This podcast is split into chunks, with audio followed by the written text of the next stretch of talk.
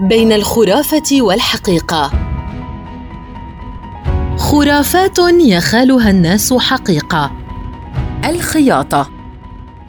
إذا أضاعت خياطة الكشتبان أثناء ترقيع الثياب منحت لمن تخيط له أولها حظاً سعيداً. وإذا خيطت سهوا قطعة قماش إلى ثوب من جهة ظهر القماش كان ذلك إعلانا لمفاجأة سارة وتخاط شعرة من العروس إلى حاشية ثوب العرس لتكون سعيدة في أسرتها كلما طالت الشعرة امتد أمد سعادتها. الخيط. من أراد أن يربط أو يعلق بعنقه شيئا يحمل إليه الفأل كان عليه أن يستعمل خيطا جديدا. ومن قطع خيطه ثلاث مرات وهو يخيط فما عليه إلا أن يقوم بعمل آخر ومن قطع خيطا فقد افتقر لمدة عام كامل.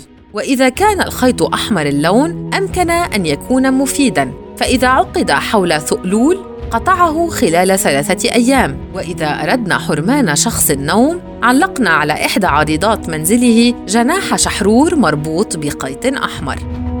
الدبوس لا ينبغي لنا أن نقدم دبوسا إلى أحد دون أن نجعله يخزنا وإلا وقع الخصام بيننا وبينه. وإذا عثرت امرأة حامل على دبوس وجب أن تلتقطه ممسكة رأسه. فإذا أمسكت حده جف حليبها بعد سبعة أيام من ولادتها. إذا استخدم دبوس في تثبيت غطاء سرير أحد الموتى فهو يحمل الحظ السعيد إلى من يغرزه.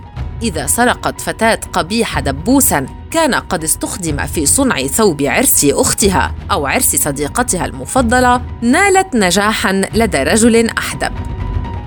الدعسوقة إذا حطت الدعسوقة في مج الأسبوع للحظة على يد إنسان ثم طارت كانت بشيرا بجو جميل يكون يوم الأحد أما يوم الأحد فهي تؤذن بالسعادة لمن حطت عليه وقتا كافيا للعد حتى 22 الدفن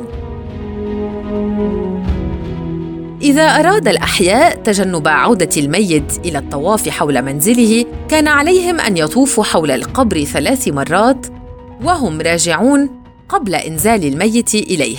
وإذا عاد أفراد عائلة الميت إلى البيت بعد دفنه غسلوا أيديهم ووضع آخر الغاسلين المنشفة على طرف إحدى النوافذ فيتلو أحد أفراد العائلة كل يوم صلاة وسلاما ملائكيا لراحة نفس الميت إلى أن تحمل الريح المنشفة.